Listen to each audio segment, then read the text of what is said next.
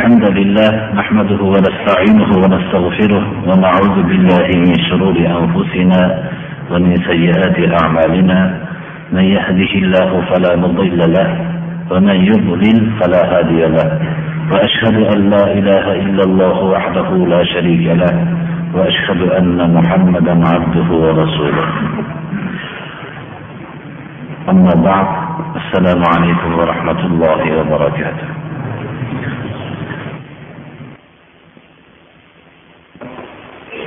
Taqvoni o'zining muhabbatini yo'l qildi. Va shuning uchun o'zining kitobida azaliy kitobida ko'p yod qildi. Va shunga targ'ib qildi.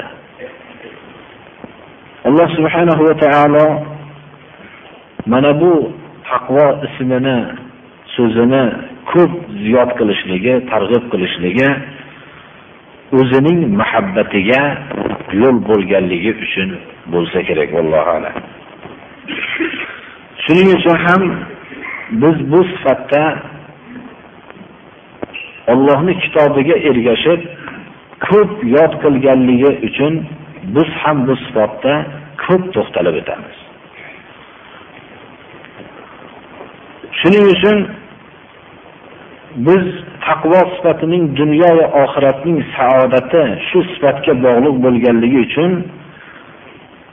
bu sifatni bayon qilishlikda Allohning dinidagi taqvoning tutgan o'rni va taqvoning mohiyati va uning haqiqati va taqvoga erishish yo'llari deb uch qismga bo'lib hozirgi darsimizda inshaalloh agar vaqt musoada qilsa Allohning dinidagi taqvo yo'li va taqvo mohiyati va uning haqiqati haqida bahs yuritamiz. Va shu sifatning agar tamomlashlik imkoniyati bo'lsa, tamomlaymiz, bo'lmasam keyingi darsimizda inshaalloh o'rganamiz. Qur'oni Karimda Estaizu billah ولقد وصينا الذين أوتوا الكتاب min qablikum va iyyakum anittaqulloh sizlardan ilgarigi ahli kitoblarga va sizlarga ollohdan taqvo qilishligini vasiyat qildik deyapti Alloh taolo. Demak, taqvo sifati olloh subhanahu va taolo payg'ambar jo'natgan ummatning hammasiga bo'lgan to bashariyat tongidan tortib janobi rasululloh sollallohu alayhi vasallamgacha shu kishiga shu payg'ambarlarning hammalariga ummatlari bilan birga bo'lgan vasiyat taqvo vasiyatidir. Shuning uchun har namozning jumada imom xatib avvalo o'ziga va boshqalarga taqvoga vasiyat qiladi. Allohning kitobiga ergashib xutbaning sunnatlaridan amal shuki har bir kishini taqvoga avvalo o'zini va boshqalarni taqvoga vasiyat qilish. Hatto rasululloh sallallohu alayhi va sallamga sahobalardan bittalari zavidni ya rasululloh men safarga ketyapman menga bir zodi rohila bering deganlarda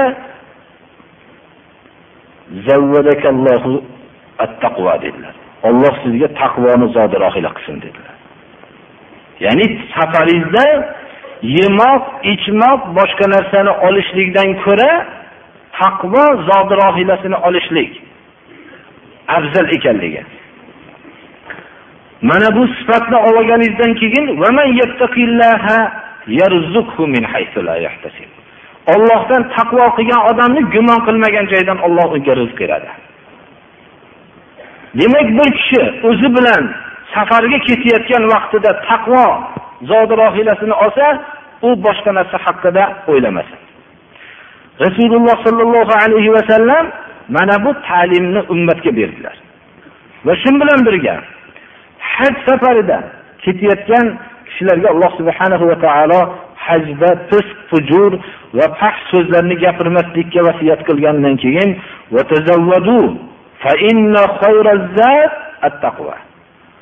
zodirohila olinglar ya'ni yemoq ichmoq va hokazo olinglar. Zodrohilalarning eng yaxshisi taqvodir deyapti. Va kiyimlarni ichida ham alloh subhanahu va taolo eng yaxshi narsa kiyimlarni bayonida o'zinglarni eng ziynatlik libosinglarni masjidinglarda ya'ni namozda kiyinglar deyishga buyurish buyurishlik bilan birga hamma libosdan bo'lgan oliy libosni bayon qilyapti. Ya bani adam xuzu zinatakum inda kulli masjid. Alloh subhanahu va taolo o'zi inson avlodiga avratini to'sadigan libosni berganligini minnat qilib alloh subhanahu va taolo sizlarga butun ayb o'rninglarni bekitadigan libosni berdi.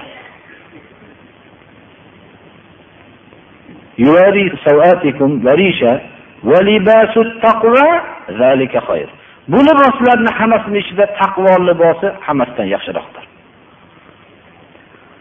Salafi solihinlarning hammalari shu libos bilan faxrlanishdilar va shu bilan ibratlanishdilar. Hasan basriy rahimaulloh bir qabrni oldidan qabriston oldidan o'tib ketayotganlarida bir ayolni ko'rdilarda u nihoyatda bir yangi bir libos kiyib olgan edi. Qabristonda bunday yangi libos bilan yig'lab turganligini ko'rib ajablandilarda aytdilarki bu yig'lab turishing bir xato bo'lsa bu libos bilan turishing ikkinchi xato dedi. U ayol aytdiki qabrda yotgan meni kuyovim bo'ladi dedi. To'g'ri shunga sabrsizlik bilan keldim. Shuning uchun yig'layapman. Ammo bu libosni kiyishligimni sababi bu kuyovim meni shu libos bilan ko'rishlikni yaxshi ko'rardi. Shu libosimni kiyib keldim dedi.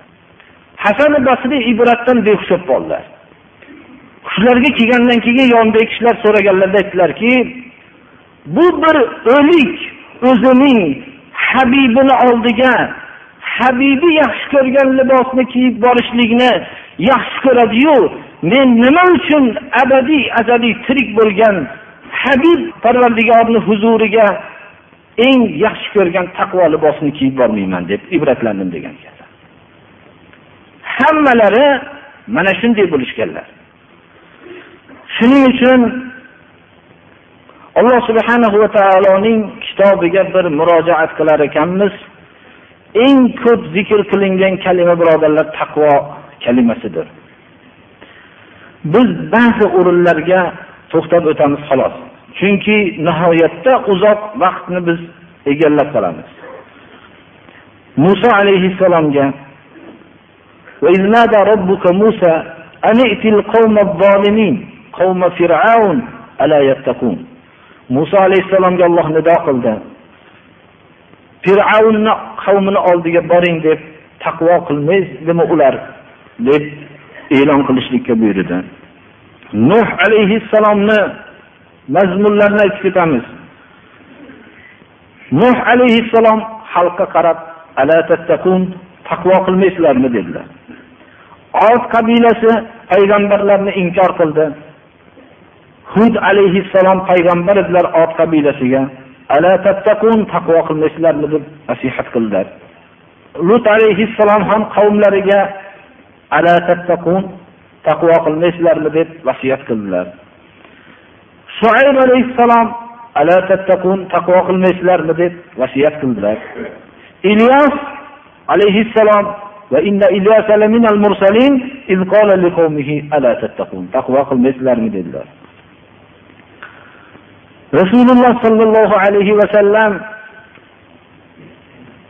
mana u kishiga nozil bo'lgan qur'oni karimda tamomiy insonlarni xitob qilib ya ayyuhannasu robbakumul xalaqakum min qablikum la'allakum tattaqun. Sizlarni va sizlardan ilgarigilarni yaratgan rabbiylar taqvo qilishlik uchun yaratdi deydi. Xullas ro'zani farz qilingan oyatda ya ayyuhallazina amanu kutiba alaykumus siyamu kama kutiba alal ladina min qablikum la'allakum tattaqun. Ro'zani ramazoni sharifning farz bo'lishligi ham o'zimizda taqvo sifatini hosil qilishligimiz uchun.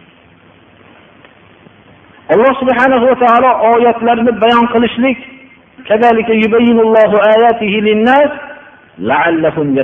taqvo qilishlik uchun. Nuh alayhissalom Allohdan taqvo qilinglar menga itoat qilinglar dedilar. Har bir oyatni har bir surani qaralsa taqvo sifati. Muhammad alayhissalom iymon keltirgan kishilarga xitob qildi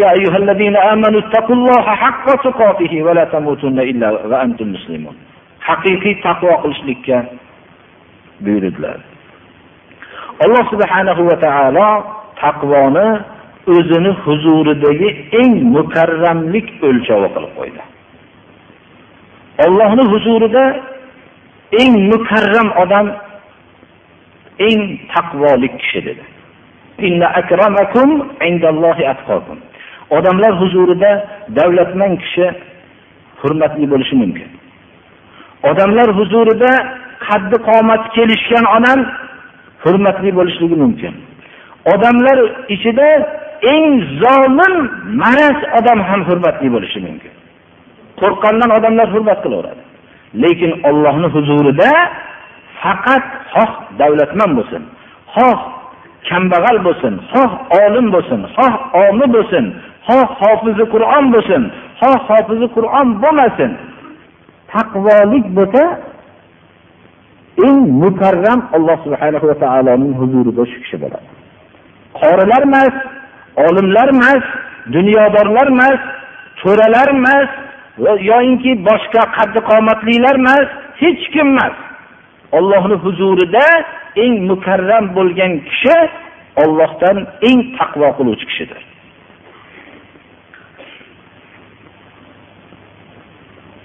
Olloh o'zining do'stlari taqvoliklar taqvoli kishilar ekanligini aytdi. Ollohni do'stlari faqat taqvoli kishilar. Alloh subhanahu va taolo o'zining do'stlariga qo'rquv g'amginlik yo'q ekanligini qiyomat kuni e'lon qilib ala inna avliya allohi la xawfun alayhim va lahum yahzanun. Allohning do'stlariga qo'rquv ham yo'q, g'amginlik ham yo'q. Allazina amanu va kanu yattaqun. Kimlar ular? Iymon sifatiga ega bo'lib, taqvo sifatiga ega bo'lganlar. Hatto amal muttaqin, taqvoli kishidangina maqbul bo'ladi, birodarlar. Ma yataqabbalullohu minal muttaqin. Innama arab tilini bilgan kishilar mana hasr ma'nosi biladi. Alloh faqat muttaqillardangina amalni qabul qiladi. Hatto qur'oni karimni avvaldan tortib oxirigacha o'qigan kishi agar taqvo sifati bo'lsa foydalanmaydi. Qur'on muttaqillarga eslatmadir.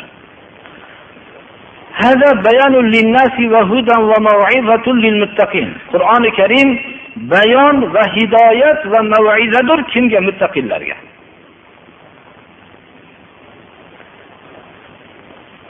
qur'oni karimning birinchi sura sura baqara bo'lsa sura fotihadan keyingi sura. Avvalida alif lam mim zalikal kitabu la rayba fih hudal lil muttaqin nomi taxsis bilan. Bu qur'on faqat ollohdan qo'rqqan taqvolik kishilargagina hidoyat. Xullas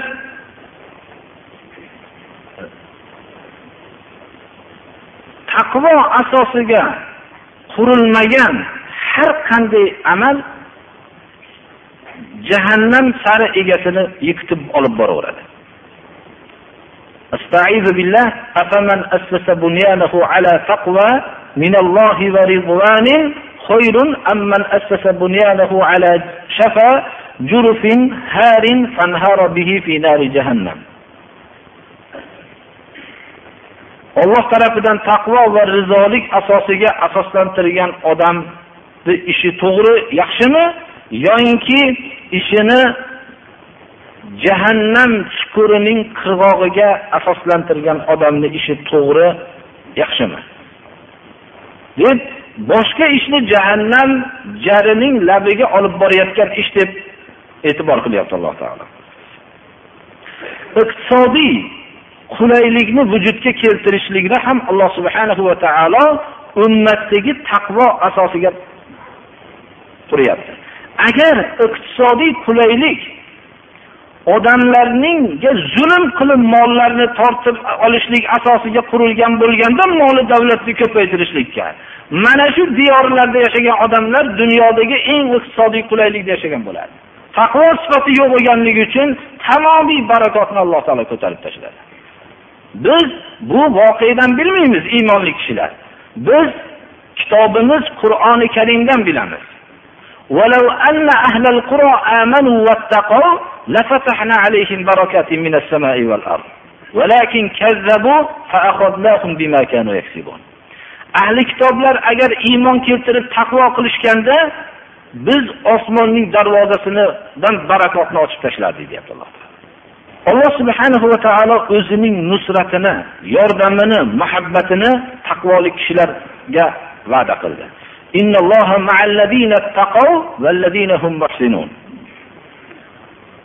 Olloh o'zini birgaligini ham taqvoli kishilar bilan birga ekanligini e'lon qildi. Oqibat o'rtada har xil voqealar bo'laveradi. Goho bir botil ham yengib turganga o'xshaveradi. Lekin ko'p darsimizda aytganmiz botilni ko'rkam bo'lib borishligi ishib borayotgan tufakka o'xshaydi. Nodon odam tufayli ishib borganligini yo'g'onlashayotganligini xursand bo'laveradi lekin u halokatga yaqinlashib boraveradi. Davlatmanlarga va'da qilmadi yo qaddi qomatli kishilarga va'da qilmadi.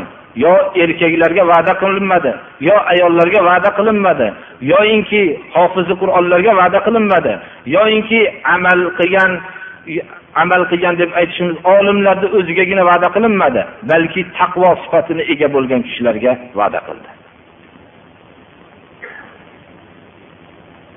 زين للذين كفروا الحياة الدنيا ويسخرون من الذين آمنوا والذين اتقوا فوقهم يوم القيامة kofirlarga hayoti dunyo ziynatlik qilib ko'rsatildi. Hamma hayotini faqat shu hayot deb bag'ishlab yashaydi. Hatto shu hayoti dunyoni qo'lga kelish yo'lida odamni o'ldirishlikdan toymaydi. Mo'minlarni masxara qiladi.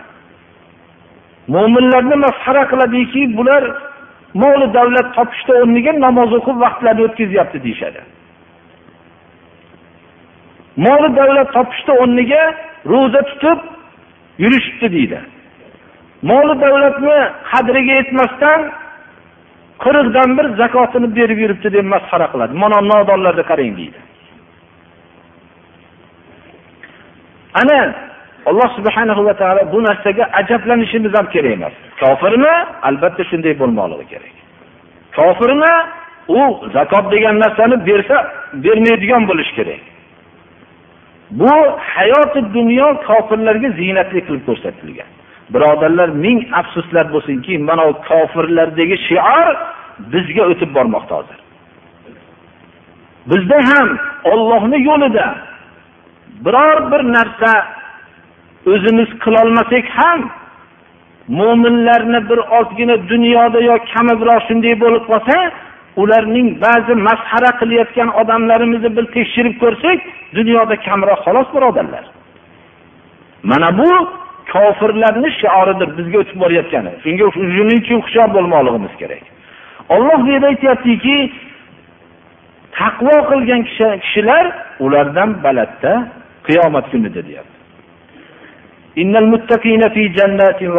Taqvoli kishilar bitta jannatda emas jannatin ko'p jannatlarda bo'lib bog'larda bo'lib ham oxiratda uyunin chashmalarni bo'yinida robbilari bergan narsani ushlashgan holatda. Buni sababi ular dunyoda ular muhsin ya'ni ollohni ko'rib turgandek hayotlarida ollohga ibodat qilib o'tishganlar.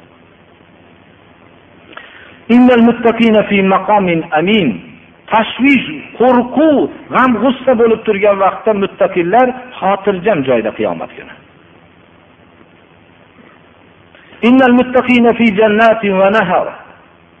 Bog'lar va anhorlar bo'yida.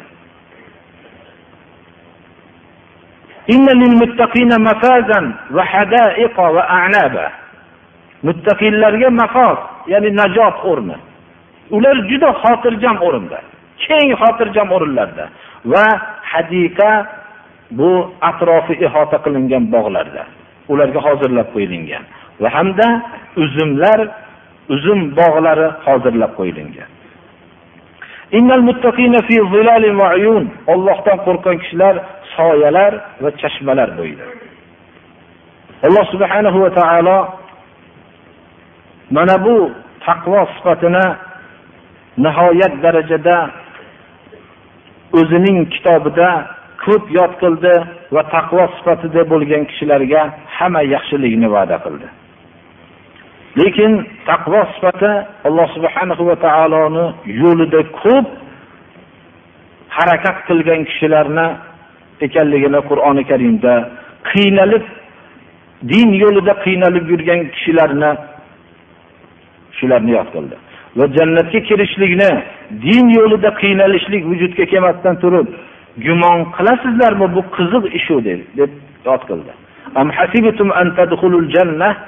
Jannatga kirishlikni gumon qilasizlarmi?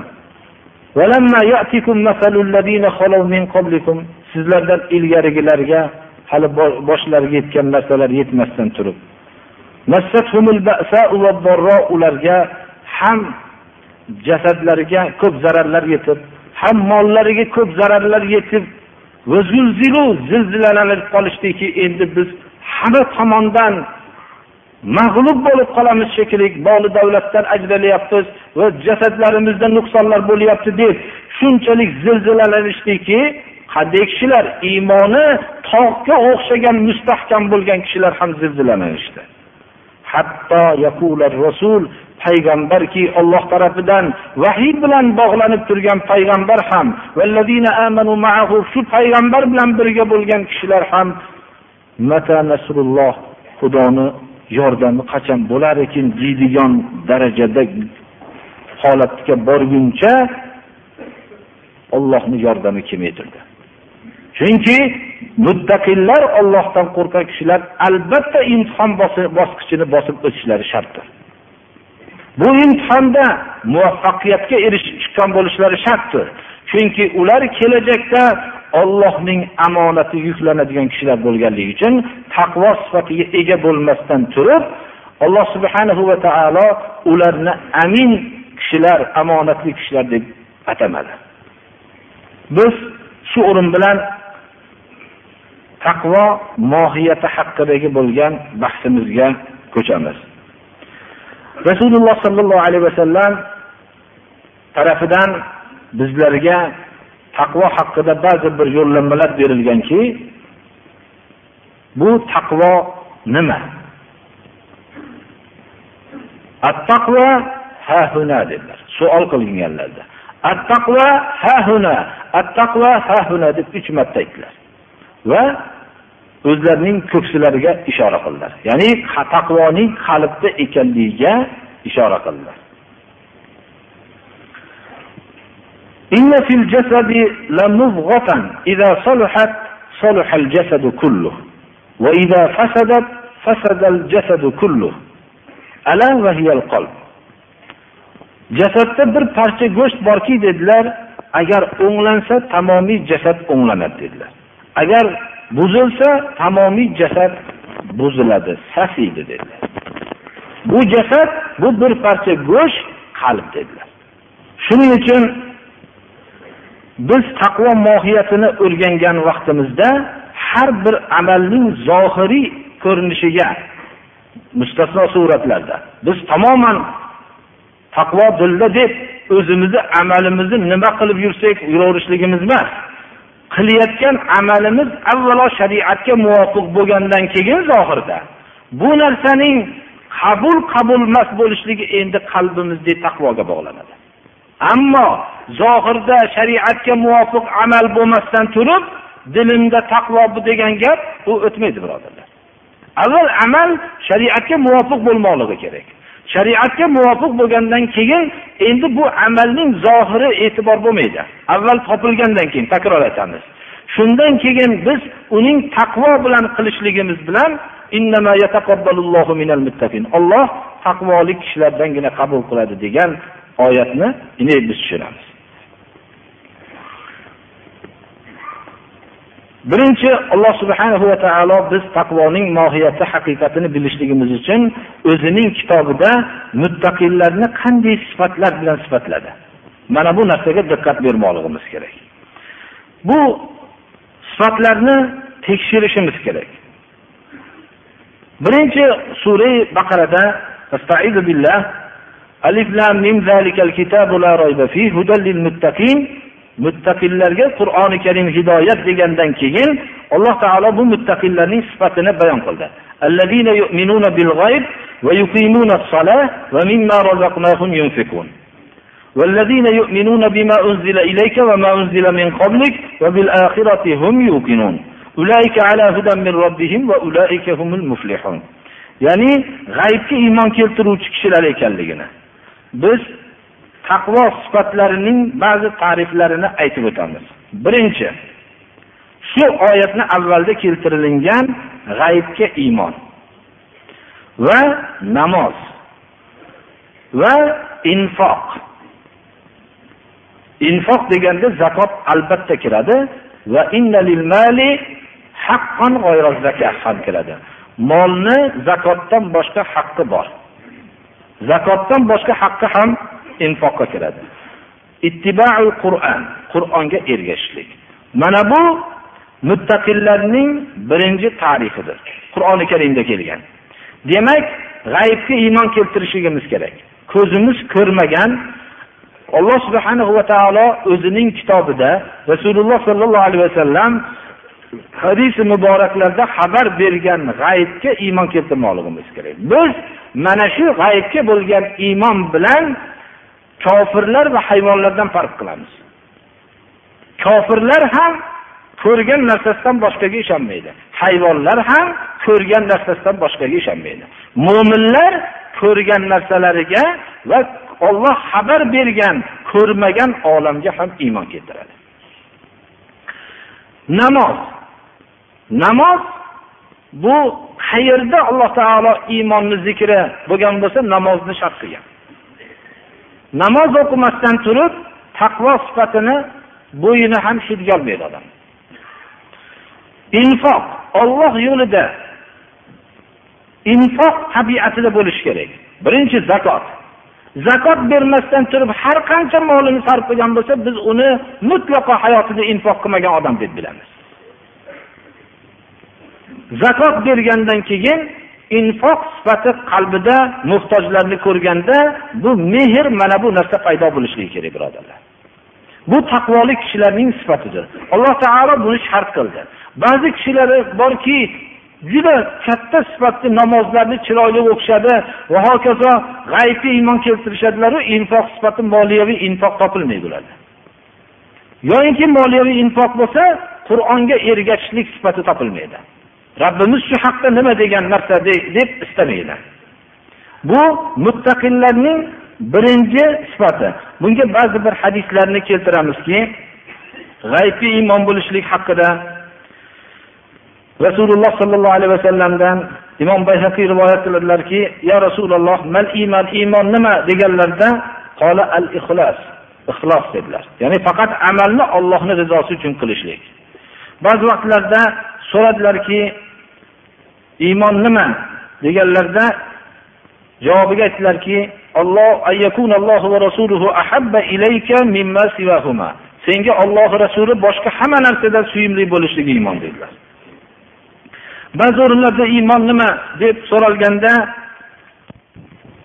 man ahabballoha man ahabba lillah va abghada lillah va mana lillah faqad istakbala iymon Alloh uchun yaxshi ko'rsa, Alloh uchun yomon ko'rsa, Alloh uchun bermasa, mana bu iymon dedilar. Bizda yaxshi ko'rish sifati ko'pchiligimizda topilamiz. Muloyimlik bilan mashhur bo'lgan kishilarda. Kimga bo'lsa munofiqmi, kazzobmi, o'g'rimi, kofirmi, mushrikmi, mo'minmi farq qilmasdan yaxshi ko'radiganlar bor. Bu iymon emas, birodarlar. Iymon Alloh uchun yaxshi ko'rish, Allohning do'sti, Allohning buyrug'ini qilyapti deb yaxshi ko'rishlik bu iymon. Lekin bunga qo'shilib Alloh uchun yomon ko'rish ham bo'lishi kerak. Alloh uchun yomon ko'rishlik Allohning buyrug'ini qilmaganligi uchun yomon ko'rish. Ba'zi kishilarda bu sifat topiladi. Ba'zi kishilarda infoq, bu yerda hadis sharifda Alloh uchun bersa degan joyda zikr qilinmayapti. Ko'p odamlarda infoq sifati ham topiladi. Ba'zi kishilarimiz borki, juda ko'p muhtojlarni ko'rganda qalblari eriydi, beradi, juda muhtoj o'rinlarga beradi. Hammaga beraveradi, molini sochib yuborgan. Buni biz eng ulug' odam deymiz. Bu yerda iymonni sharti bo'lganda, iymonning komil bo'lishi uchun Alloh uchun bermaydigan sifat ham bo'lishi kerak. Masalan, molim yo'q desam, yolg'on gapirgan bo'laman. Molim bor, lekin senga bersam, xilofi shar shariatga xilof bo'lgan joyga sarf qilasan. Senga bersam, mast qiluvchi ichimlik shariatga xilof yoki musiqa kerakli keraksiz o'rinlarga shariat man qilgan o'rinlarga ishlatasan. Buning uchun men bera olmayman deydigan narsa iymonni komil qilishlikdir. Bu hammada topilmaydi. Bunda iymon bo'lish kerak. Farzandingiz talab qilib turibdi sizdan. Farzandingiz yoyinki qarindoshingiz malomat bo'ladi sizga bermasa bu baxil degan nomlarni yelkangizga olishingiz kerak. Olloh uchun berolmaslik ham olloh uchun bermaslik ham iymonni komil bo'lishiga sabab bo'ladi. Iymon shunday dedilar. Abu hurayra roziyallohu anhu mana hadislarda mashhur bo'lsa ham o'rnida kelganlik bizga kerak bo'lgani uchun. Al imanu bid'un va sab'una shu'ba a'laha qawlu la ilaha illalloh va adnaha imatatul adha anit tariqi wal haya shu'batun min al iman. Iymon yetmish nechtayam bo'lak bo'lsa eng oliysi la ilaha illalloh va eng kichkina iymon daraxtining eng katta tanasi la ilaha illalloh bo'lsa kichkina shoxchalari eng kichkinasi musulmonlarning yo'lidan ozorni olib tashlashlik. Bu yo'ldagi narsalarni tozalashlik iymondan deb bu yerda hadis sharifda umumiy kelyapti. Ba'zi joylarda muslimin musulmonlarni yo'lidan. Faqat musulmonlarning yo'lidan tozalashlik. Ba'zi odamlarimiz borki shu narsani biz biz mukammal tushunmoqligimiz kerak. Tozalashlik iymondan demaylik. Masalan dinsiz bunday bo'lgandan keyin tozalashlik iymondan deb aralashtirmaylik. Musulmonlarning yo'lini pokiza qilishlik iymondan deylik. Hayo iymonning bir bo'lagidirdir ya'ni iymonning asosiy shoxlaridan shoxchalaridan bittasi hayo dedilar. Hayosi bo'lgan kishini hatto payg'ambarimiz sollallohu alayhi vasallam haq narsadan ham hayo qilib turgan u kishilarni ba'zilarda ba'zi o'rinlarda maqtadilar. Misol qilib aytsak bir kishi och edilar shunday ketayotganlarida yo'lda bir yeydigan narsani turganligini ko'rdilar. Shuni shunda endi olib turuvdilar bir kishi kelib qoldilar. Shu hijolat to'la haligi narsani qo'yib shunaqa qilganlarda uni qattiq gapirib nima sen meni ko'rib o'zgaryapsan o'zgarmasliging kerak haq bo'lgandan keyin olib shu ishni qilaver degan mazmunda bir necha so'z so'zlayotganlarda payg'ambarimiz sollallohu alayhi vasallam o'tib qoldilar. Qo'y dedilar hayo ham iymondan dedilar. Inson bir narsani hech kim ko'rmay turgan vaqtida masalan aytaylik shoshilib bemalol ovqatlanishligi mumkin.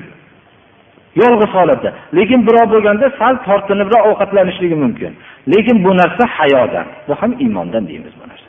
Agarki birovni oldidan tortinmasdan o'tirishligi kerak edi o'zi birovni rioyasi boshqa och bo'lgandagi bemalol yeyishlik uni hech malomati yo'q edi. Lekin bir sal tortinchalik bo'lishlik ham iymondan dedilar.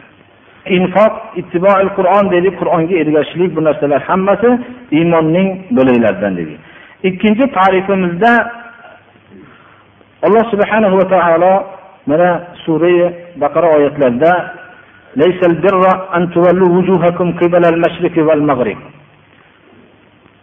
avval baytul muqaddasga qarab namoz o'qilinardi. Keyin alloh subhanahu va taolo kabatullohga burilishlikka rasulini buyurdi sollallohu alayhi vasallam. Ana shundan keyin yuzni burishlik u yoqqa bu yoqqa degan haqda munozaralar ketganda bu yaxshilik faqat yuzni quddusga qarab namoz o'qish yoyinki mag'ribga qarab qo'yishlikni o'zi emas lekin bir yaxshilik qaysi من آمن بالله واليوم الآخر والملائكة والكتاب والنبيين وآتى المال على حبه ذوي القربى واليتامى والمساكين آية من نازل bo'lib oxirida shu sifatlarni qilgan kishilar sodiq kishilar va muttaqiylar deb alloh taolo yod qildi. Allohga bo'lgan iymon qiyomat kuniga bo'lgan iymon farishtalarga bo'lgan iymon Allohning kitoblariga kitobiga bo'lgan iymon va payg'ambarlarning hammasiga bo'lgan iymon mana bu yaxshilik. Va molni yaxshi ko'rib turib berishlik molni yaxshi ko'rib turib berish degani molga muhtoj bo'lib turib berish. O'zidan ochib qolganini berish emas. Molni taqvo nima? O'zingizga kerak bo'lib turib yaxshi ko'rib turgan holatda shu narsani berolashlik bu taqvodir. Bu bizlarda oshib qolgan narsani berishlik o'zi shu ham katta ishi bo'lib qolgan. Kimga bu yana? Mol birinchi yaxshi ko'rgan muhtoj kimlarga? Zavil qurba qarindoshlarga yetimlarga masakin miskinlarga miskin bilan faqirni farqi faqir zakotga qodir emas kishi. Miskin bo'lsachi bir kunlik taomdan boshqa ovqati yo'q. So'rovchi kishilarga qullarni ozod qilishlikka va namozni barpo qilish. Qur'oni karim doim namozni barpo qilishlikni o'qishlikni o'zini emas namozni barpo qilishlikni doim zikr qiladi. Biz masalalarni bo'lak qilib tushunmasligimiz kerak falonchilar ham juda yaxshi ekanda yetimlarga qarayapti deb qo'yadi. Lekin namozni barpo qilish shart taqvo sifatini bo'lishligi uchun. Zakotni berish va ahdlariga ahdlashganda vafodor bo'lgan kishilar jasadlariga zarar tushganda sabr qilolmagan kishilar mollariga zarar yetganda sabr qilolmagan kishilar. Ikkovida ham sabr bo'lishi mumkin. Olloh uchun bo'lgan jihodda ham sabr qilolmagan kishilar. Uchov sabrni jasaddagi baloga sabr qilish. Molga yetgan musibatga sabr qilish. Va hamda uchinchisi bu uchov sifat har kimda topilavermaydi birodarlar. Ana taqvo sifatiga bo'lgan sifatlar haqiqiy sodiqlar shular va haqiqiy taqvodorlar shulardir. Shu haqda biz bir qisman to'xtalib o'tamiz.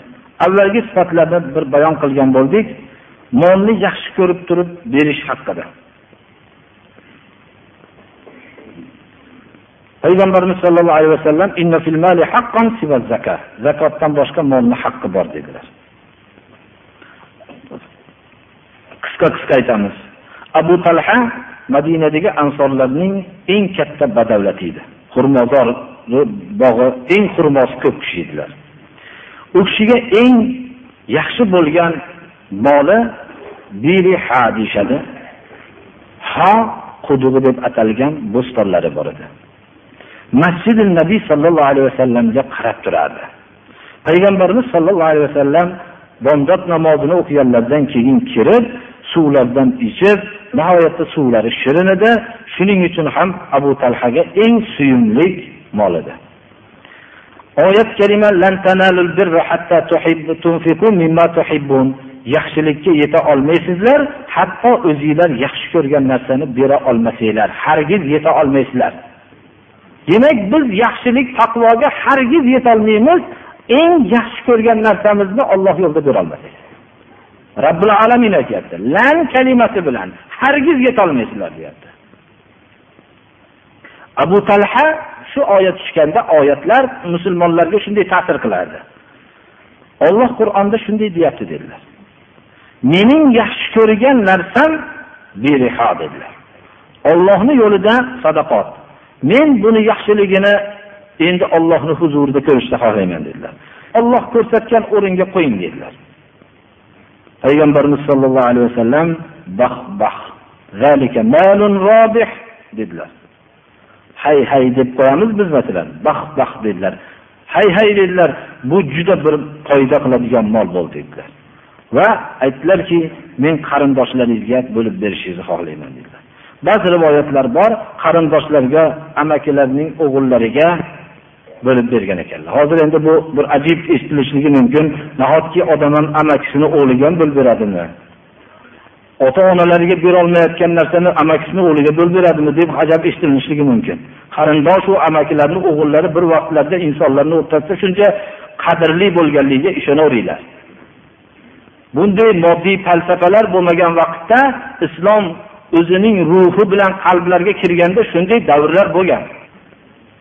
Mana bu narsa ba'zi rivoyatlarda aytiladiki bu taqsim qilingan bo'lakning bir qismini ba'zi kishilar sotib olganda sakkiz yuz ming dirham bo'lgan degan gaplar bor birodarlar nechi kishiga taqsim qilingan bo'lsa shu bir qismini taqsim qilingan joyda sotilganda degan. Payg'ambarimiz sollallohu alayhi vasallamga biz dunyoda bu narsani aytib o'tishimiz kerak.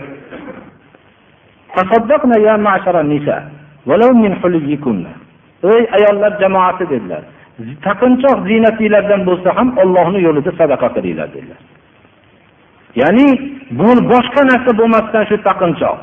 Ya'ni ayol kishida hamma narsadan mahrum bo'lsa ham taqinchoq qoladi. Bu narsa ayollik tabiatiga bu muvofiq. Lekin islom shu narsani unga ziynatlanishlikni yaxshi deydi. Shu bilan birga shunga qul bo'lib qolmaslikniga ham targ'ib qiladi. Shunda abdulloh ibn masud roziyallohu anhuning ayollari kuyovlariga aytdilarki siz juda xafif qo'lingiz yengil ya'ni juda kambag'alsiz.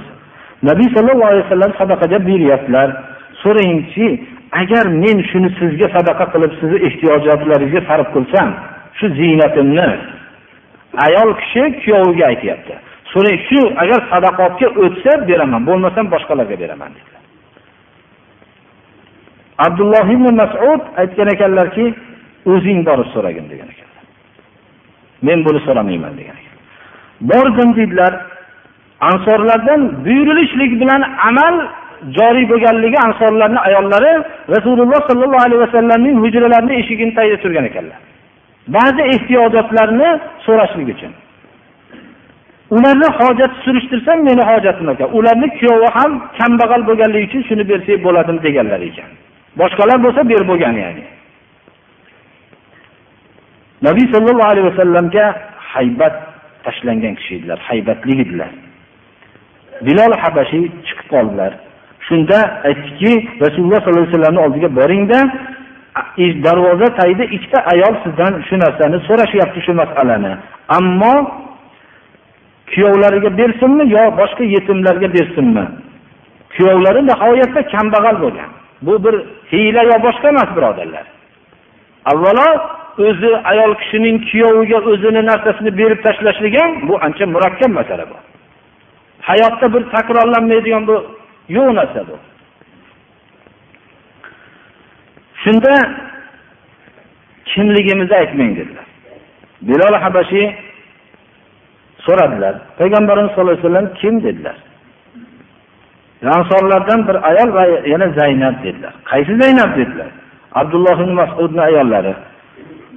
U ikkoviga ham ikkita ajr bo'ladi. Yaqinlik qarindosh ya'ni o'zining kuyovi bo'lganlik ajri va yana sadaqot ajri bo'ladi dedilar. Shuning uchun ham ba'zi ulamolar zakoti ayolning zakoti bo'lsa moli davlati bo'lsa kuyovi kambag'al bo'lsa bersa bo'ladimi? Yo'qmi? degan misolga kuyovi ayoliga zakot bersa mutlaqo bo'lmaydi. Chunki u nafaqa lozim. Lekin ayolni moli ko'p bo'lib mustaqil moli bo'lib kuyoviga bersa bo'ladimi bo'lmaydida ulamolar o'rtasida ixtilof bor. Ba'zilari bo'ladi deyishganlar. Ammo kuyovi ayoliga berishligi muttafaqun alayh bo'lmaydi. Ayol bu kuyoviga berishligi ba'zilarni fikrlarida bo'ladi.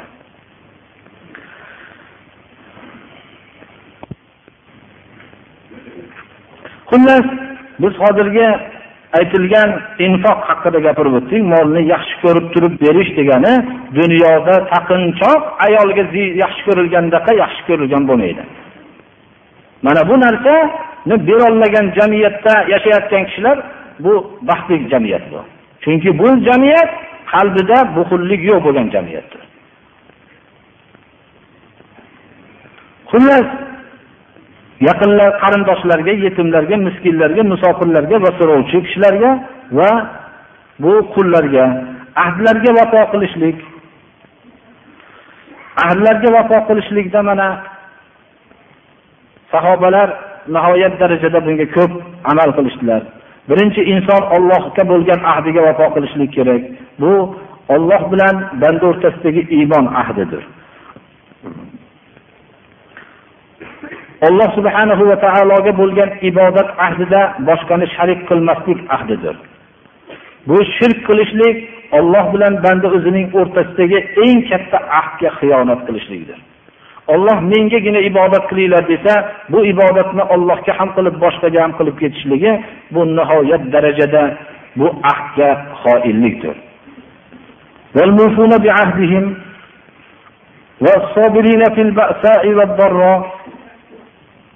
qiyinchiliklarda sabr qilish jasadidagi ochlikka sabr qilish sahobalarda mashhur bo'lgan utbat ibn g'azvon rivoyat qiladilarki لقد رأيتني سابع سبعة مع رسول الله صلى الله عليه وسلم رسول الله صلى الله عليه وسلم bilan men yettinchi musulmon bo'lgan edim وما لنا طعام bizga hech qanday ovqat yo'q edi illa varaqul habla bir daraxtni bargi bor edi xolos hatto qarihat ashdaquna mulklarimiz yaralanib shilinib ketdi bargni chaynab yeyishlikdan majbur bo'lib bu samur daraxtini mevasini habla deyiladi shuni po'stlog'i qolgan edi abdulloh ibn abbosdan rivoyat qilinadiki rasululloh sollallohu alayhi vasallam يبيت الليالي المتتابعة وأهله طاغيا لا يجدون عشاء وكان أكثر خبزهم الشعير paydarpay kechalarini kechini o'tkazardilar ahllari ham. Ya'ni och bo'lgan holatda qorinlarini shunday ushagan holatda bir kechqurungi taomni yemasdan topolmasdan ularning yegan nonlari ham ko'prog'i arpa edi. Abdulloh ibn e, umar ibn hattob rivoyat qilinadiki rasululloh sollallohu alayhi vasallamni ochlikdan engishib yurganligini ko'rdim. Xurmoda daql deydi pastrog'idan ham bir past xurmoda ham bir to'yadigan past xurmo topolmasdan kunlarini ko'rdim deydilar. Rasululloh sollallohu alayhi vasallamni oldiga abu talha aytadilar. Abu talhaiki biyrihoni berib yuborgan kishi. Rasululloh sollallohu alayhi vasallamni oldilariga avvalda holatlarda ochlikdan shikoyat qilib bordik. Ochlikdan bu iymonli sahobalar ancha muncha ochlikdan shikoyat qilishmasdilar. Nihoyat darajada badanlardan o'tib ketganlikdan ochlikdan shikoyat qilib bordik. Rasululloh sollallohu alayhi vasallam an hammamiz mana ochlik deb ochib ko'rsatdik qornimizga tosh baylagandik. Hammamiz bittadan tosh baylab olgandik. Tosh birodarlar muzdek bo'lganligi uchun achishgan o'ringa bir rohat bo'lib turadi. U tosh bir qorinni katta ko'rsatishlik uchun emas balki shu achishgan joyga muzdek bo'lishlik uchun shunga bir rohat bo'lib turishlik uchun bittadan tosh baylaganligimiz mana yo rasululloh shunchalik darajada och qoldik deb ko'rsatuvdik.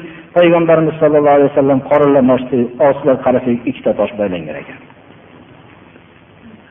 Baso inson o'zining jasadiga tushgan qiyinchilikka sabr qilolmaslik kerak birodarlar mana bu taqvodor kishilarni sifati kasallikka sabr qilishlik payg'ambarimiz sollallohu alayhi vasallam aytdilarki إذا مرض العبد بعث الله تعالى فقال انظروا ماذا يقول لعباده فإن هو إذا جاءوا فحمد الله وأثنى عليه رفع ذلك إلى الله رفع ذلك إلى الله وهو أعلم فيقول لعبدي على أن توفيته أن أدخله الجنة وإن أنا شفيته أن أبدله لحما خيرا من لحمه ودما خيرا من دمه وأن أكفر عن سيئاته. alloh taolo banda kasal bo'lsa farishtalarni jo'natadi bandam ko'rgani kelgan kishilarga nima deyapti? Qaranglar. Agar kelgan odamlarga allohga hamd aytib sano aytayotgan bo'lsa bu amalini ular ko'tarib alloh subhanahu va taoloni oldiga olib borishadi. Alloh ularni uni holini farishtalardan biluvchiroq. So'raydiki shunday senga hamdu sano aytyapti desa bandamga aytinglarki vafot qil vafot qildirsam jannatga dohil qilaman. Shifo bersam uning tanasidan yaxshiroq tana beraman. Ya'ni endi avvalgi holatidan go'zalroq bo'lib ketadi. Xatolarni kafforat qilib kechiraman deydi alloh taolo. Payg'ambarimiz sollallohu alayhi vasallam boshlariga tushgan o'zlarining alamlariga ham ko'p sobir edilar. Payg'ambarimiz sollallohu alayhi vasallamning boshlari og'rib turgan holatda kirdim deydilar. Abu masud roziyallohu anhu siz ham boshingiz qattiq og'riydi shekilli desam men sizlarni ichinglarda ikkita odamni boshi og'rigancha miqdor bilan og'riydi boshim dedilar. Men shunda aytdimki sizga ikkita ajr borda shuning uchun desam ha shuning uchun deb qo'ydilar ya'ni. Ya'ni va aytdilarki musulmon kishiga biror bir ozor yetgan bo'lsa alloh subhanahu va taolo u bilan xatolarni kaforat qiladi gunohlarni tushiradi xuddi daraxt kuz vaqtida bargini to'kib yuborgandaqa jihod maydonlaridagi sabr haqida anas ibn nabr bu kishi rasululloh sollallohu alayhi vasallamning buyruqlari bilan badr g'azotida ishtirok etolmagan edilar. Birinchi rasululloh sollallohu alayhi vasallamning mushriklar bilan bo'lgan jihodida ishtirok etolmadima deb ko'p attang qildim agar payg'ambarimiz sollallohu alayhi vasallam bilan mushriklar bilan bo'lgan jangda hozir bo'lsam inshaalloh men rasuli xursand bo'ladigan ishlarni qilaman. Uhud jangida mushriklar qattiq hujum qilish natijasida musulmonlar payg'ambarimiz sollallohu alayhi vasallamga fidokor bo'lgan kishilar atroflaridan sanoqli kishilar qoldi boshqalari ketib qolishdilar. Shunda anas ibn nobir aytadilarki bu bular musulmonlar ketib qolishligidan xudoyo senga uzr aytaman dedim dedilar. Ya'ni ayblamadilar bular qilgan ishda xatoligini va o'zlari ilgarilab sad ibn muoz u kishini ko'rib qoldilar. Qayerga ketyapsiz dedilar. Yo sad ibn muoz jannatni hidini sezyapman dedilar. Qasam ichib aytamanki jannatni hidini hidlab turibman dedilar. Sad roziyallohu anhu aytadilarki shunda bu kishidan saksontadan ko'ra ko'proq ba'zi joylariga nayza suqilgan ba'zi joylari qilich bilan shikastlangan ba'zi joylari kamon kirgan saksontadan ko'proq bir o'rinni topdik deydilar mushriklar uni ustiga a'zolarni qirqishgan dedilar. Bu kishini tanib bo'lmadi. Bu kishini opalari bir hollari bor tanar ekan yoki barmoqlarida bir belgi bor ekan shu belgidan tanib mana shu meni ukam dedilar alloh subhanahu va taolo mana bu bas qattiqlik vaqtida sabr qiluvchi kishilarni haqiqiy sodiq kishilar va haqiqiy taqvodorlar dedi bu haqdagi biz ashoblarning jihod maydonidagi o'zlarining fidokorliklarini aytaversak bu juda uzun o'rin bo'lib ketadi. Jafar ibn abi tolib mana sayyidu shuhadolardan bittalari bu kishining jasadlarida to'qsontadan ko'ra ko'proq bo'lgan shunday kamon qilich va nayzaning siquvlari bor edi shahid bo'lgan edilar muta g'azotida yana bir bizda sabr borki biz hozir shu sabrni aytib o'tishimiz kerak. Sabrning yana bitta qiyin joyi shuki bu balki jangdagi sabrdan ham qattiqroq bo'lsa kerak. Haq yo'lda barqaror bo'lib turgan vaqtingizda atrofingizdagi hamma odamning qarshi bo'lishligi bu juda jangdagi sabrdan ham ortiqroqdir. Bo'lib ham kitobi sunnatni biladigan kishilarning qarshi bo'lib turishligi mana bu narsa juda og'irdir. Bu haqiqiy taqvodorlarni sifatidir birodarlar.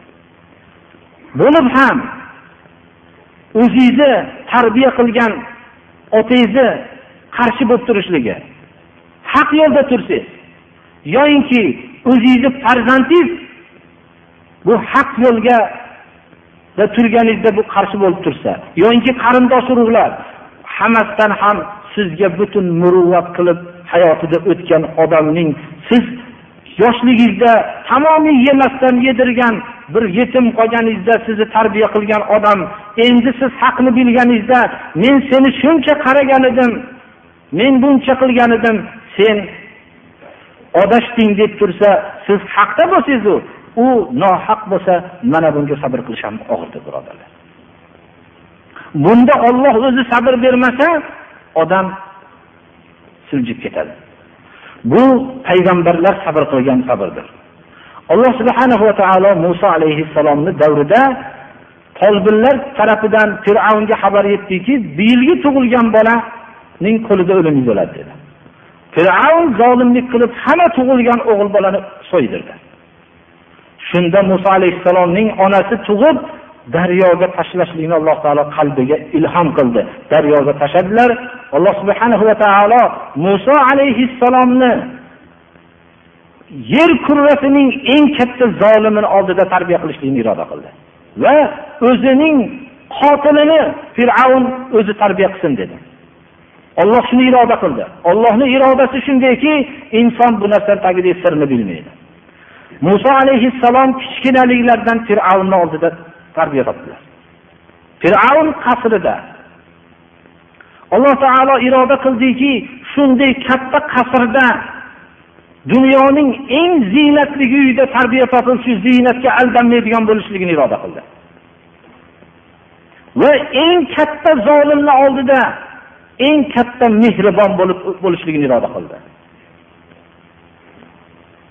Va eng katta marhamatlarni olib turib marhamat qilgan odamni haqqa da'vat qilishligini iroda qildi. Haqning kuchini alloh taolo ko'rsatishlikni iroda qildi. Muso alayhissalom olloh buyurdiki haqni yetkazing deb. Bu kishiga ko'z oldingizga keltiring. Hamma bolalarni so'yib seni qoldirgan edim. Hamma bolalar o'smagan hayot bilan o'stirgan edim. Alam nurabbika fina validan. Seni go'dayligingda men tarbiya qilmadimmi dedi. Nechi yillab umringni men oldimda o'tkazmadingmi dedi. Bu birodarlar juda haq bu og'ir ish bu. Bu narsaga sabr qilolmaslik bu haqni yetkazishlik hamma odamga mumkinu ammo mana bu muruvvatni qabul qilgan odamga haqni gapirolmaslik buni payg'ambarlarga va payg'ambarlarga haqiqiy ergashgan kishilarga nasib bo'ladi. Mana bu narsaga sabr qilishlik haqiqiy taqvoli kishilarning sifatidir. Agar olloh bir kishini bir manzilga tanlasa mana shu sabr bosqichlarini unga ko'rsatadi. Chunki u kelajakda albatta bu bosqichlarni bosib o'tgan omonatli kishi bo'lmoqligi kerak. Mana muso alayhissalom mana bu joyda shunday qildilar. Hatto bu janob rasululloh sollallohu alayhi vasallam abu tolib o'g'lidan yaxshi ko'rgan edi. Rasululloh sollallohu alayhi vasallamni abu tolibga xitob qildilar.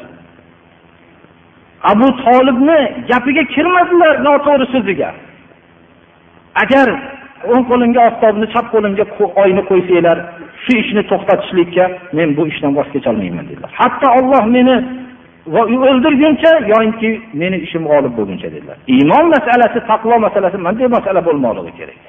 Mizojiy masala bo'lmasligi kerak. Xohlasak mizojimizga to'g'ri kelib xalqlarni chaqirib yoki bu mizojiy deb ko'rmasligimiz kerak. Alloh subhanahu va taolo mana anas ibn nadr haqida minal mu'minina rijalun sadaqu ma ahadulloh alayh. Mo'minlar ichida shunday kishilar borki ollohga bergan ahdini to'la o'tashdi. Ba'zilar ahdning mukofotini olishdi. Ya'ni shahid bo'lib borib mukofotni olishdi. Ba'zilari tirik bo'lib kutib turishdi. Ammo o'lganlari ham tirigi ham ahdini buzmadi zarracha ham deyapti alloh taolo.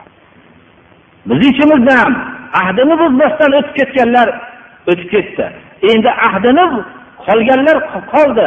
Bular ahdini buzadimi? Yo'qmi? Alloh subhana va taoloni imtihonida shuning uchun har bir narsani ba'zilar kutib turibdi degan ma'no tirikligiga ishora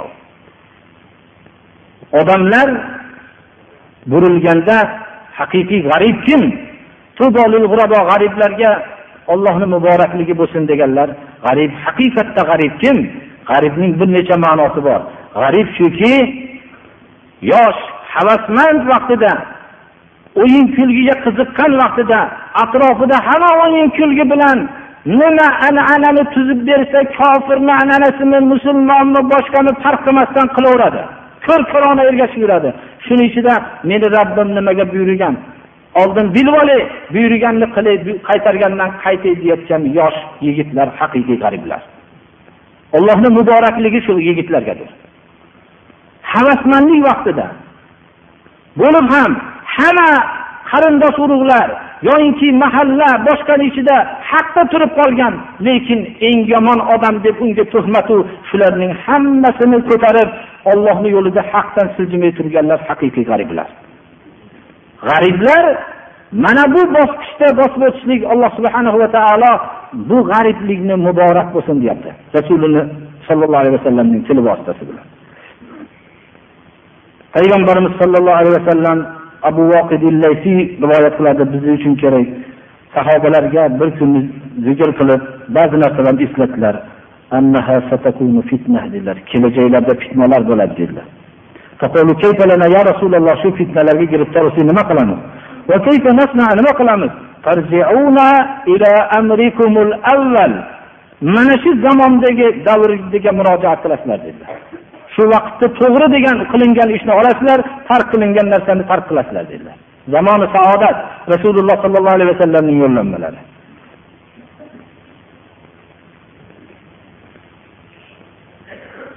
Odamlarga yati alannasi zamanun.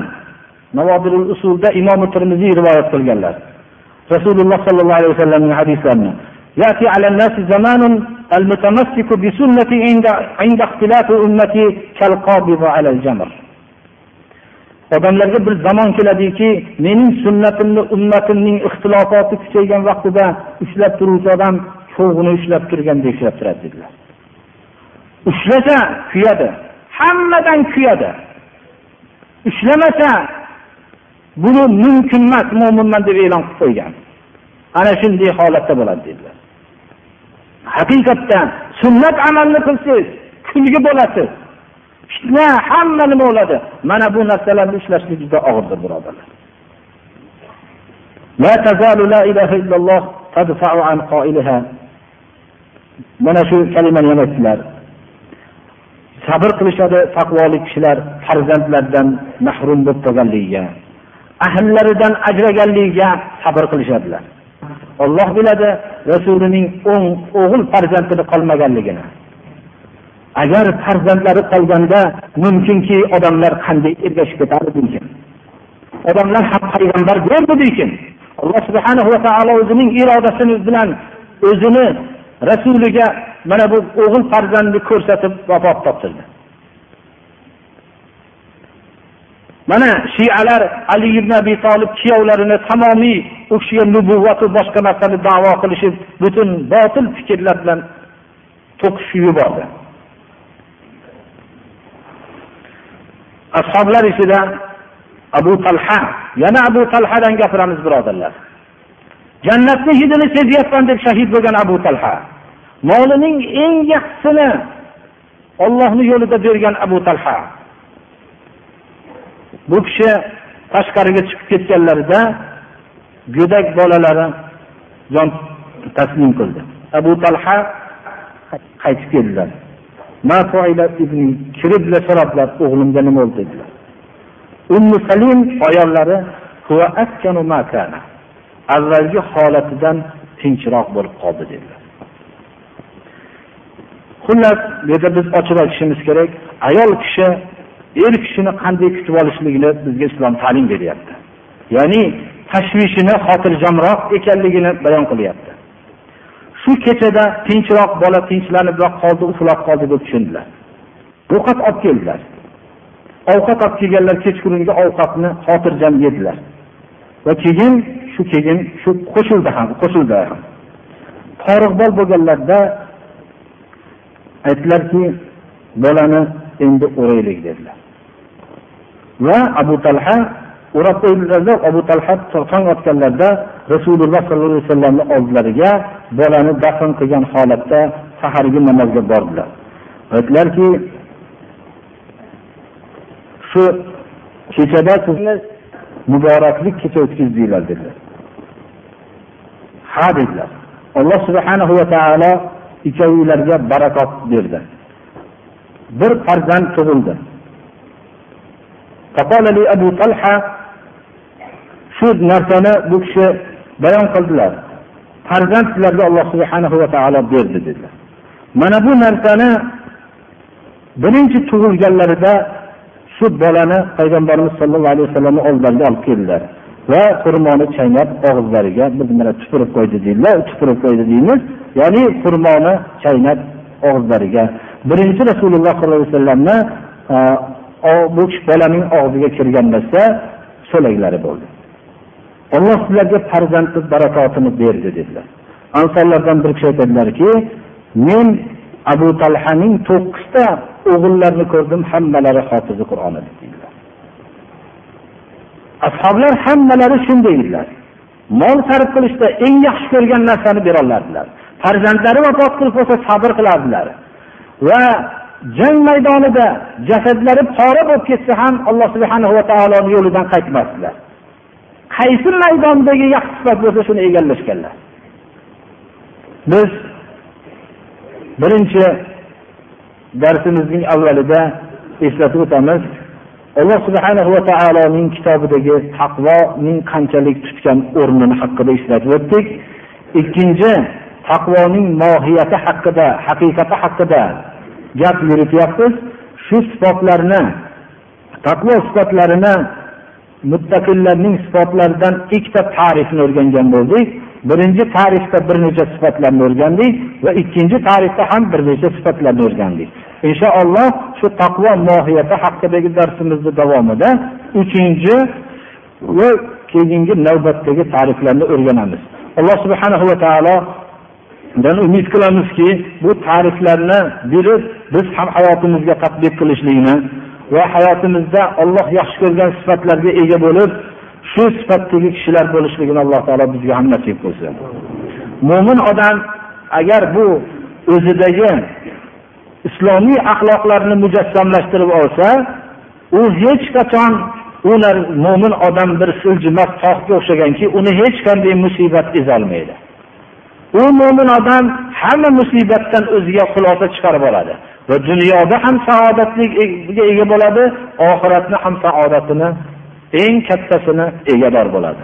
Mana bu narsa muttaqin xudodan qo'rquvchi taqvo sifati haqida biz nihoyatda zaruriy bo'lganligi uchun hozirgi bizni jamiyatimizga begona bo'lganligi uchun shuning uchun ham bu sifatda ko'proq to'xtalib o'tganimiz ma'qulroq bo'lsa kerak. وصلى الله تعالى على خير خلقه محمد وآله وأصحابه أجمعين الله سبحانه وتعالى hammamizni olloh yaxshi ko'rgan sifatlarga ega qilsin va alloh subhanahu va taolo shu o'zi yaxshi ko'radigan shu sifat egalaridan qilsin allohu amin alloh subhanahu va taolo bizni ham alloh yaxshi ko'radigan sifatlarga ega qilsin allohu akbar